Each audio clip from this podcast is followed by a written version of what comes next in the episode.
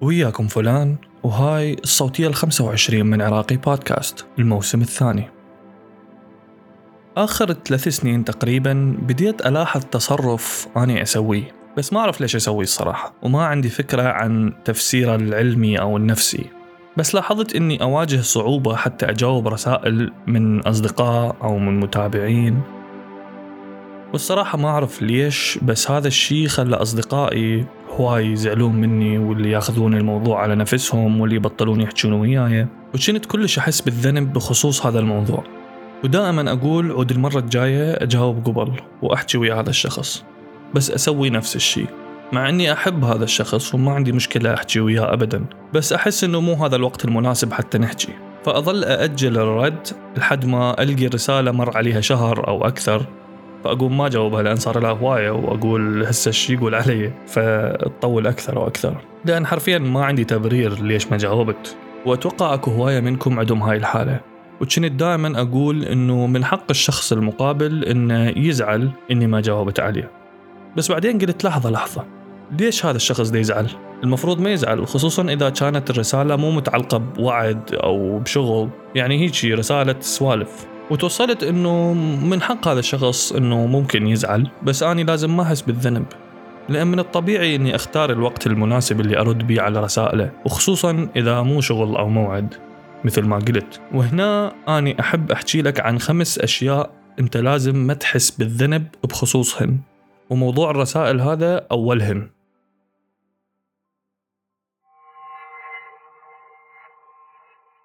ثاني شيء أنت لازم ما تحس بالذنب بخصوصه هو اختياراتك واهتماماتك. وهذا يشمل ذوقك همينة. يعني شيء طبيعي أنك تختار أشياء مناسبة إلك. إذا أنت ما تحب الدولمة مثلا أنت حر.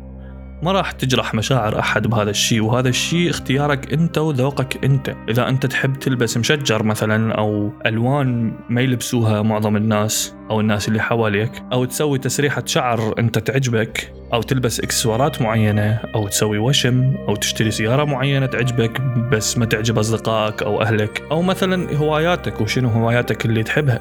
لا تخلي أحد يأثر على اختياراتك لأن بس ما عاجبه اختيارك. إذا عنده سبب يقدر يقول لك إياه. بس هذا بالأخير قرارك أنت واختيارك أنت. وإذا أنت ما سمعت لهذا الشخص أبد لا تحس بالذنب أو بالإحراج من هذا الشخص. وبنفس الوقت لازم تطبق هذا الشيء على نفسك.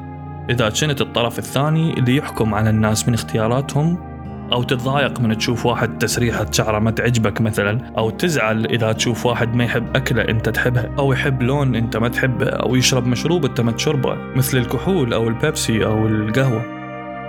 مهم إنك تعرف إنه القواعد والقوانين والاختيارات اللي أنت ماخذها لنفسك مو من حقك تفرضها على أحد أو تطلب من شخص يغير من أسلوب حياته أو اختياراته بس لأن ما تعجبك أو مو مثل اختياراتك. حاول تحترم هذا الشيء.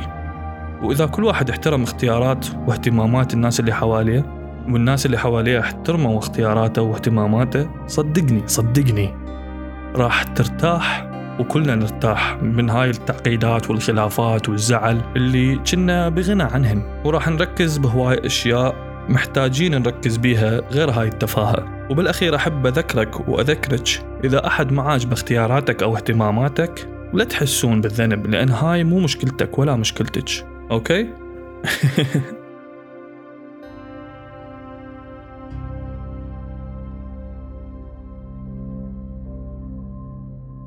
ثالث شيء لازم ما تحس بالذنب اتجاهه هو انك قلت لأحد لا أو لفرصة معينة لأن لا ببعض المواقف معناها إي لشيء ثاني شلون؟ يعني أنت ممكن تجي لك فرصة شغل وأنت ما حسيت إنه هاي فرصتك اللي تدور عليها. مو مشكلة إذا قلت لا لأن ما تدري شنو المستقبل ضام لك. لا هنا ممكن فايدتها أكثر من ضررها. ممكن إذا أخذت هذا الشغل اللي ما عاجبك راح توقف إنك تدور على شغل اللي عاجبك تشتغله وتظل متقوقع بهذا الشغل اللي قبلته لسنين. وممكن هذا الشغل يكون فرصتك وطريقك الغير شغل أنت تحبه. بس مهما كان قرارك لا تندم عليه لأن الاحتمالات هواي وتقييمك وراحتك ويا القرار هو أهم شيء. ونوع الأخ من اللا هو اللي تقوله أو تقوليه للشخص اللي يريد يرتبط بيك أو بيك أو لشخص يريد يبيع لك شيء.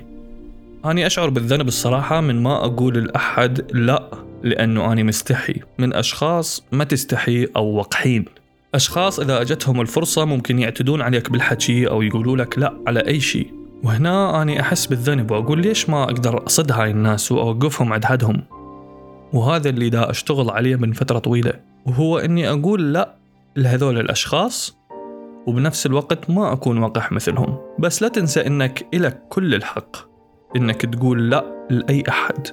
إذا كان مديرك أو مدرسك أو أهلك أو أصدقائك أو مرجعك الديني أو رئيس دولتك أو أي أحد ماشي بالشارع. حتى كلنا نعيش بسلام وانسجام.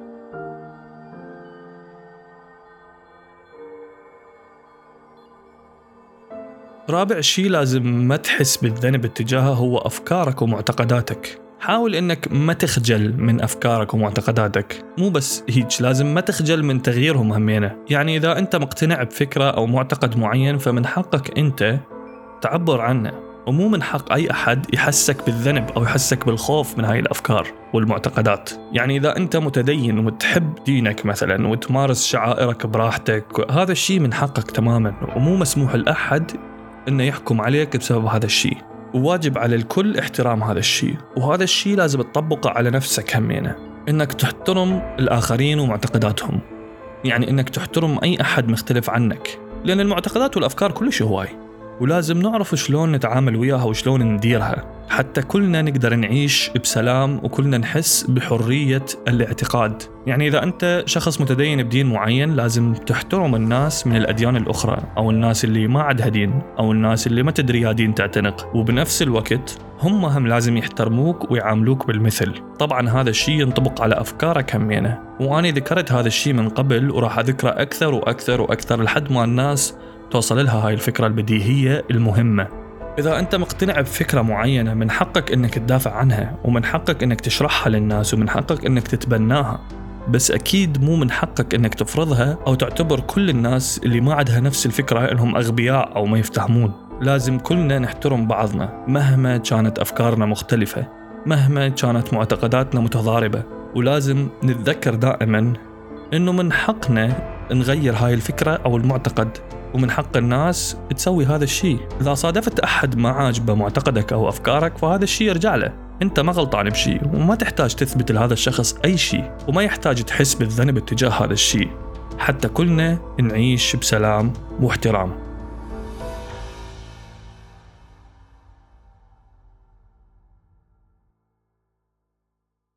خامس شيء لازم ما تحس بالذنب اتجاهه هو التعبير عن احتياجاتك.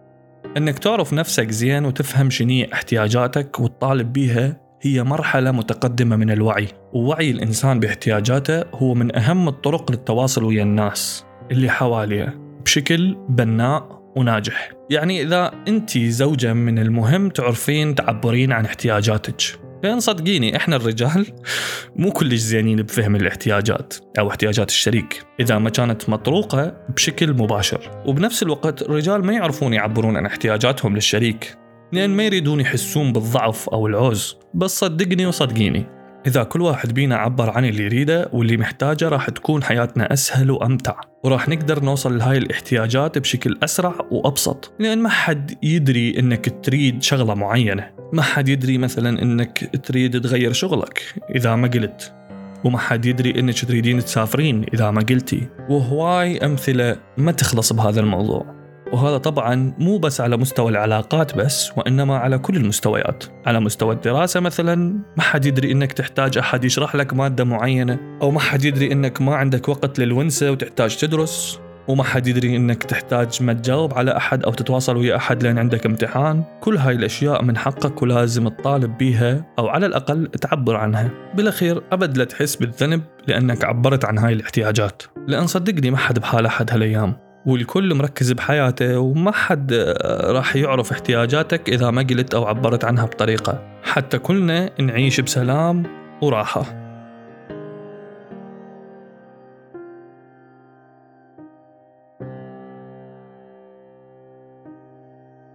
وأخيرا أكو هواي أشياء بحياتنا تحسسنا بالذنب. لازم نبدأ نراجعها ونفهم ياهو بيهن يستحق هذا الإحساس أو لا. وبنفس الوقت أكو هواي أشياء ثانية نسويها ما تحسسنا بالذنب بس كان لازم نحس بالذنب اتجاهها. والإحساس بالذنب هو مهم بحياتنا حتى نقدر ندير تصرفاتنا اتجاه نفسنا واتجاه اللي حوالينا. أنا طبعا ما دا أقول لازم تقعد تقيم كل حركة وكل قرار وكل فكرة خطرت لك. وإنما نحاول ننطي أولويات للأشياء اللي تسوي تأثير بحياتنا مثل أفكارنا معتقداتنا تصرفاتنا على أساسها وردود أفعالنا تجاه الأشخاص المختلفين عنا وبنفس الوقت التعبير عن احتياجاتنا. لازم نحاول نوصل لراحة الإنسان ورفاهيته وأكيد لازم ندور على هذا الشيء بكل تفاصيل حياتنا. وإذا كلنا فكرنا بهاي الطريقة واحترمنا بعض باختلافاتنا وبتنوعنا راح نوصل للسلام اللي الكل يريد يوصل له. وإذا مو اليوم باكر.